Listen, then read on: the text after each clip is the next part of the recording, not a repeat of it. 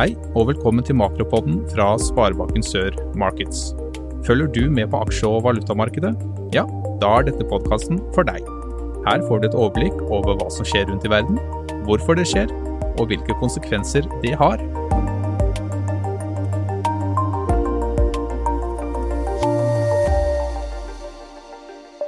Da sier vi vel møtt til en ny makropod. Nå er vi kommet til mars 2023.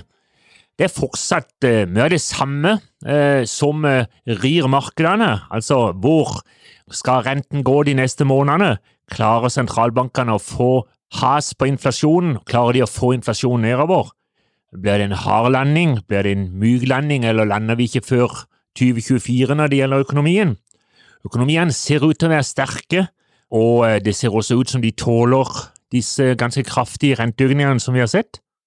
Men vi skal se på hvordan situasjonen er både i USA, i Kina, i Europa og her hjemme i Norge, og så skal vi se litt på hva vi tror når det gjelder renteutviklinga og den økonomiske utviklinga framover. Så følg med på dagens makropod. Det er jo to ord som er de førende fortsatt, nemlig inflasjon og renter. Inflasjon er jo fortsatt det største problemet i økonomien, både for USA og Europa, inkludert Norge. Og sentralbankene har jo brukt renten veldig aggressivt for å få bukt med inflasjonen. Men eh, så ser det ut som at økonomiene ser ut til å være sterke, så eh, det som er det farlige nå, og det som er det store hodebryet for eh, sentralbankene, det er biter inflasjonen seg fast, eller klarer vi å få han ned før han har liksom bedet seg ordentlig fast? Og hva vil det bety for veksten? Hvor lenge klarer befolkninga å dekke de høye rentekostnadene uten at de må skjære kraftig ned på annet forbruk? Vi ser jo at forbrukerne har brukt mye av de oppsparte midlene fra pandemien nå, så spørsmålet er når tid er det brukt opp? Vi ser det er negativ sparing, men da er liksom spørsmålet vil den negative sparinga da bety at det ikke lenger er noe å bruke opp eh, heller, sånn at man nå må begynne å kutte forbruket ganske kraftig. Og så, eh, på, i den andre enden, så er det jo sånn, eh, hvis det da begynner å få effekt av, av renteøkningene, når må sentralbankene kanskje begynner å kutte renten igjen, det ser i øyeblikket ut til å ta relativt lang tid. Og så skal vi se på etter hvert også i denne makropoden at det har skjedd masse andre ting som har gjort at ikke det bare er inflasjon og renter som har vært i fokus. Men vi starter som vi pleier, helt øst. Vi starter litt på Kinas økonomi og utfordringer, og det er fortsatt veldig stor usikkerhet om utviklingen i kinesisk økonomi. Vi ser at det har vært bygd masse ting også i landene rundt. En god del av de både infrastruktur og øvrige tiltak som man har investert i, mange av de tiltakene har vært litt sånn delvis mislykka, og man ser da at kineserne pøser inn midler også der, som man også gjør nå i økonomien hjemme, for å prøve å få opp veksten, for å prøve å få veksten til å bli sånn at disse store eiendomsgigantene kommer ned greit på beina, og at eiendomsmarkedet igjen liksom kan begynne å ha en, en god utvikling. Sånn som det har vært nå, så har jo en del eh, av disse som skulle, hundretusenene som skulle kjøpe leiligheter om to og tre og fire år, og som har innbetalt til disse store eiendomsselskapene, de har jo opplevd at eh, det kan være tvil om eiendomsselskapenes så eiendomsgigantenes soliditet, og om de da er insolvente. Da vil jo det bety at det de har betalt inn, det er borte vekk. Så det har jo gjort at mange hundretusener av kinesere har vegra seg for å, investere i leiligheter og sånn noen år framover. Men kineserne har da pøst inn med midler i økonomien for å skulle prøve å, få en sånn, det vi kan kalle kanskje en soft landing på dette.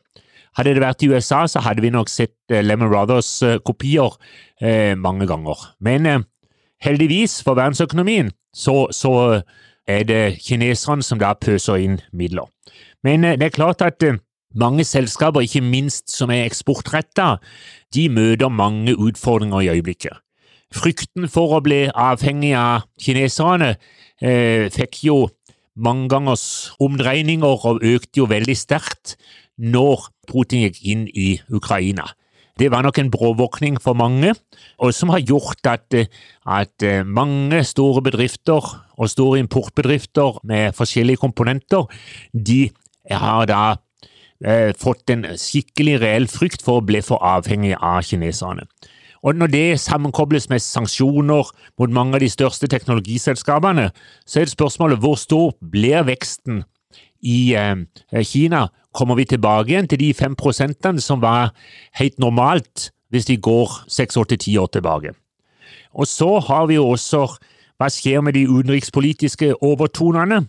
Hva vil det bety framover, også for eh, kinesisk næringsliv? Da hopper vi til USA, og vi ser at eh, amerikansk økonomi er jo den økonomien som er drivkraften i verdensøkonomien i øyeblikket. Veldig sterk økonomi skaper stadig nye arbeidsplasser, det skapes nesten for mange arbeidsplasser. Ledigheten er på rekordnivåer, kommet litt opp, vi er på 3,6% men det er stor etterspørsel etter kvalifisert arbeidskraft.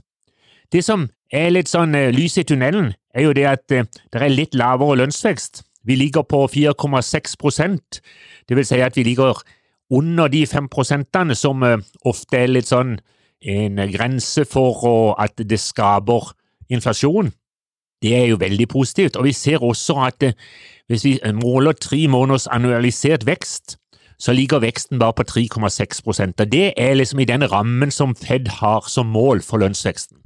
Så eh, på tross av de relativt høye inflasjonstallene, så ser det ut som at lønnsveksten i USA er relativt moderat.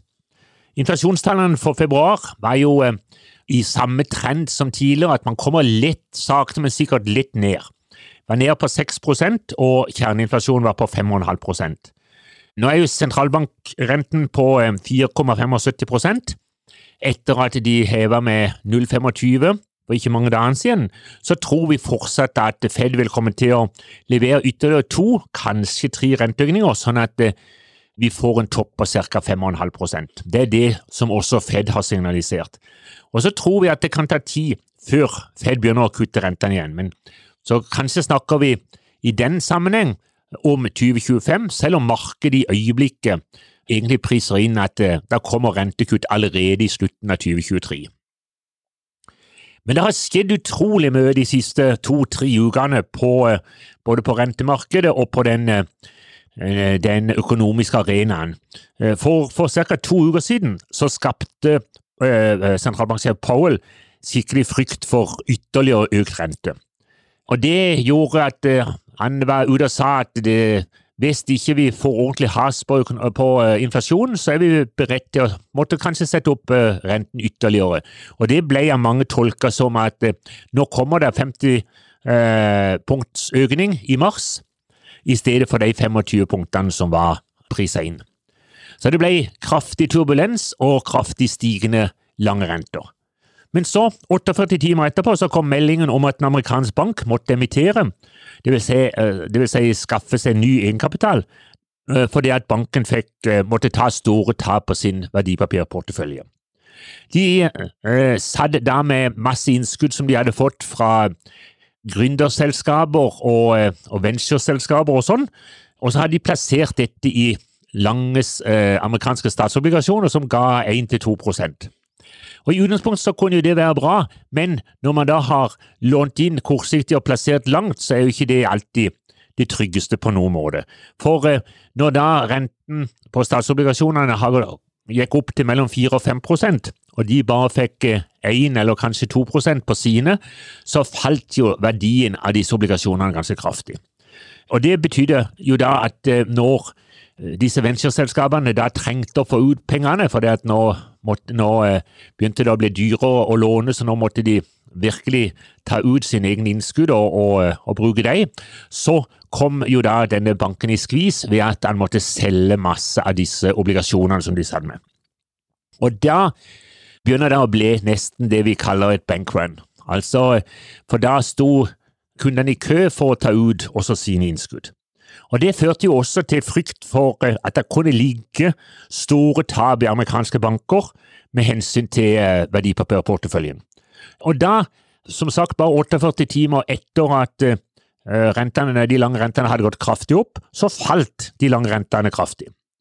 Og da ble det egentlig mye langt lavere risiko for at Powell skulle sette opp renten med 50 punkter. Nå var det 25 punkter som gjaldt. Og Vi så også massivt børsfall i etterkant av problemene i Silicon Valley Bank. Det var snakk om 200 milliarder dollar i kundeinnskudd, og så hadde jo da ikke banken rentesikra sin obligasjonsportefølje. To dager etterpå, for halvannen uke siden ca., så ble det også kjent at New York-banken, Signature Bank, var satt under offentlig administrasjon.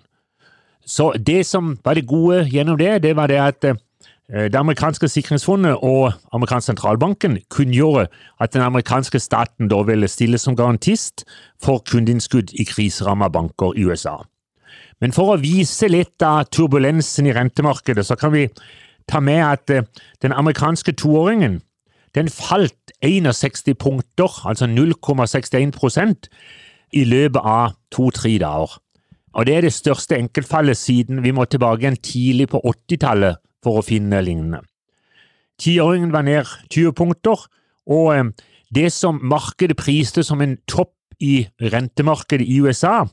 I løpet av fem dager så falt det fra 5,7% til 4,8 Og eh, i litt, litt eh, av de kortere rentene, toårs eh, amerikansk stat, den falt fra 5,05% til 3,82% i løpet av fire arbeidsdager. Så her var det rimelig turbulent på, i rentemarkedet. Så gjennom dette så kom allikevel Fed og leverte 25 punkter nå i mars, og som sagt eh, tidligere i denne makropoden så tror vi at det kommer enda noen flere renteøkninger. Også Europa merker inflasjonssugninger på kroppen. Eh, men det ser ut, som vi har snakket om tidligere i makropoden, at eh, Europa reddes jo av en mild vinter. Gassprisene ble ikke så høye som vi hadde frykta, og nå ser det ut som det er tilstrekkelig gass både til å komme greit gjennom denne vinteren, og også til å få opp lagrene, sånn at det er tilstrekkelig gass også for neste vinter. Det er god vekst i bruttonasjonalproduktet i Tyskland, arbeidsledigheten er lav, og risikoen for resesjon i eurosona ser ut til å være blitt betydelig lavere når vi eh, ser på 2023. Eh, og inflasjonen i området faller også sakte, men sikkert litt. Ligger nå på 8,5% for februar, og kjerneinflasjonen ligger på 5,6 men det er langt ned til 2 som de skal styre etter. Eh, og det gjorde jo da at eh, Europeisk sentralbanken satte opp renten med ytterligere en halv prosent nå i mars. Og Det betyr at vi har en sentralbankrente i eurosona på 3,5% og dermed så ligger vi høyere enn den norske sentralbankrenten. Men eh, vi tror ikke at eh, Europeisk sentralbanken er helt ferdig med renteøkninga enda. Vi tror fortsatt på 0,25 økninger både i mai og juni. Og det vi ser, det er at ECB, eh, e altså Europeisk sentralbanken, er den mest aggressive sentralbanken av de store eh, nå med hensyn til renteøkningene. Hvis vi da eh, snur blikket hjem igjen, så ser vi at også her hjemme så er arbeidsledigheten fortsatt veldig lav. Vi ligger stabilt på 1,7% som er veldig, veldig stramt her. Eh, også her så har vi jo sett nå at vi har blitt redda gjennom en, en mild vinter, og dermed så har det ikke blitt noen problemer med de eh, høye strømprisene som vi frykta for. Men uh, inflasjonen er fortsatt høy. Uh, klarer sentralbanken å få det ned kjapt? Det tror vi neppe. Vi hadde inflasjonstall i februar for, som kom 10. mars på 6,3% på totalinflasjon og 5,9 på kjerneinflasjon. Og det, Grunnen til at vi kom ned på det nivået, det var at eh, inflasjonen, eller prisingen på mat, var betydelig lavere fra januar til februar i år i forhold til januar til februar i 2022. Så mye takket være Kiwi så, eh, så kom vi noe ned på kjerneinflasjonen. Men fortsatt så er det høy inflasjon. Mat er opp 8,8% på årlig basis. Og I tillegg så ser vi nå at også husleia begynner å øke. Eh, på grunn av at nå kommer renteøkningene, slår de inn i eh, husleieprisene. Eh, men det ser ut som det er god vekst i norsk økonomi, og at renteøkningene ikke biter så hardt som man kunne tro. Og Det var også bakgrunnen for at Norges Bank leverte 0,25 altså 25 punkter nå i mars. Og vi tror de kommer til å fortsette videre med kanskje 25 punkter både i mai og juni. Sånn at vi ser i øyeblikket en rentetopp på ca. 3,5% Men det som kanskje framfor noe nå er veldig spennende, det er jo da lønnsveksten og lønnsoppgjøret. Det vil være helt uh, avgjørende for hvor renten går videre. Vil lønnsveksten ble så høy at vi får en ny lønns- og prisspiral, sånn som vi hadde på 80-tallet? Teknisk beregningsutvalg kommer med sine, med sine anslag uh, for inflasjonen her for 14 dager siden, og for 2023 så forventer de da 4,9% Det betyr da bonden for lønnsoppgjørene. Så uh, de kravene som kom fra LO i går, når de starter forhandlingene med NHO, de er nok eh, godt oppe på 5 vil jeg tro. Norges Bank har 4,8% i sine anslag, og hvis lønnsveksten blir for høy, at vi snakker om kanskje om 5,5 eller noe sånn, så kan det komme til å flytte rentetoppen ytterligere oppover.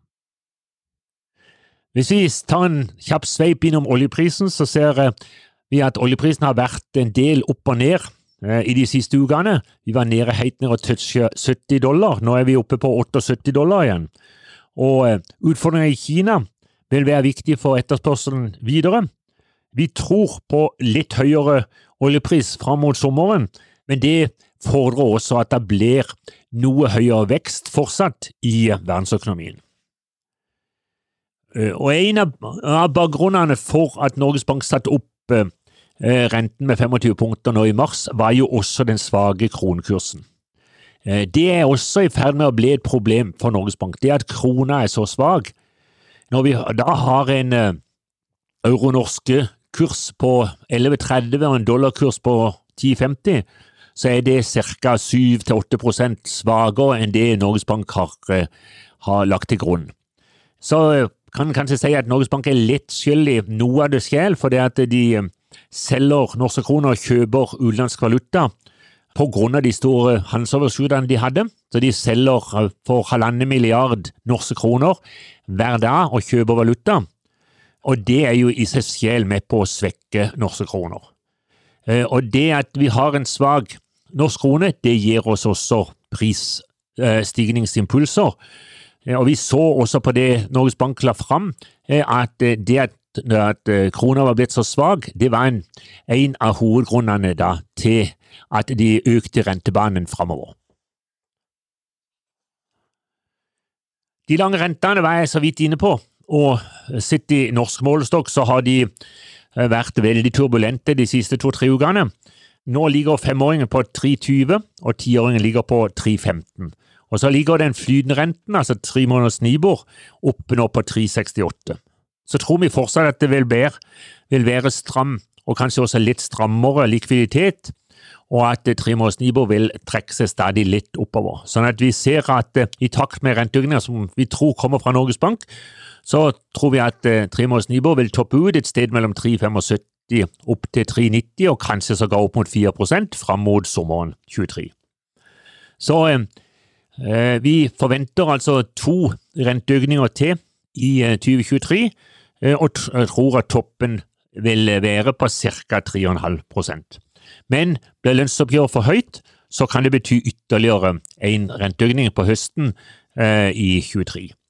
Så hvordan renteøkninga biter fra seg i økonomien, både med hensyn til hvordan blir arbeidsmarkedet, øker arbeidsledigheten, hvordan lønnsveksten blir, hvordan forbruket da blir, og hvordan det eh, til slutt eh, ender ut i hvordan inflasjonsutviklinga blir, det vil være avgjørende for hvordan Norges Bank vil måtte agere i andre halvår 2023 og utover i første halvår 2024. Foreløpig har vi sett få tegn til at renteøkningene har gitt den ønskede innstrammingseffekten, men vi er spente på når det kommer til å inntreffe.